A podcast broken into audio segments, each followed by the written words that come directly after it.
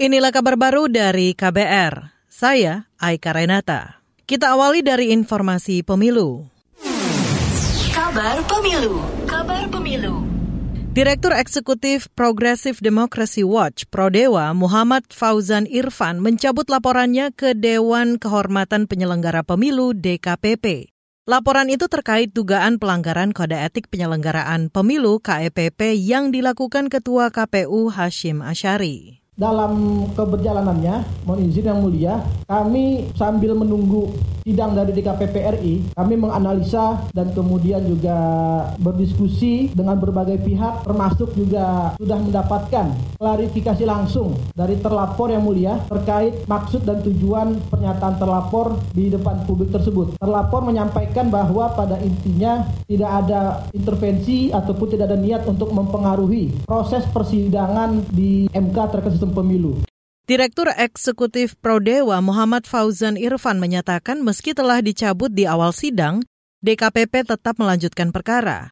Aduan itu terkait pernyataan Hashim soal sistem pemilu 2024 saat berpidato di acara catatan akhir tahun 2022. Pernyataan Hashim dinilai tidak independen.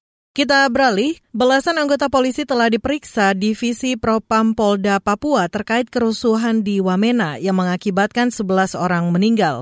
Mengutip antara, Kapolda Papua Matius Fakiri menyatakan, 16 personil itu bertugas saat kerusuhan terjadi di Sinakma, Distrik Wamena, Kamis pekan lalu. Kata Matius, ada kemungkinan jumlah anggota polisi yang diperiksa bertambah karena penyelidikan masih berjalan. Selain itu, 13 orang yang sempat ditangkap sudah dipulangkan karena alasan keamanan. Namun, tidak tertutup kemungkinan mereka bakal ditangkap lagi jika cukup bukti. Saudara, Kamis pekan lalu kerusuhan pecah di Sinakma Wamena. Diduga hal itu terjadi karena isu penculikan anak dan provokasi.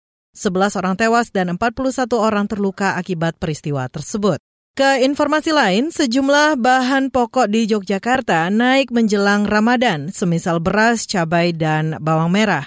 Menurut Sekretaris Daerah Sekda DIY, Kadarmanta Baskara Aji, kenaikan tersebut masih wajar dan tidak signifikan. Upaya yang kita lakukan tentu kita untuk menjaga stok karena ya seperti hukum klasik saja hukum ekonomi klasik stok cukup permintaan tetap maka harga akan stabil. Menurut Sekda DIY Kadarmanta Baskara Aji, kenaikan harga bahan pokok di DIY salah satunya disebabkan permintaan bahan pokok tinggi. Ia meminta Satgas Pangan terus memantau kondisi pangan agar tidak terjadi penimbunan. Berdasarkan data Pusat Informasi Harga Pangan Strategis Nasional per hari ini, beras kualitas bawah satu di Yogyakarta dihargai Rp12.150 per kilogram. Demikian kabar baru dari KBR. Saya Aika Renata.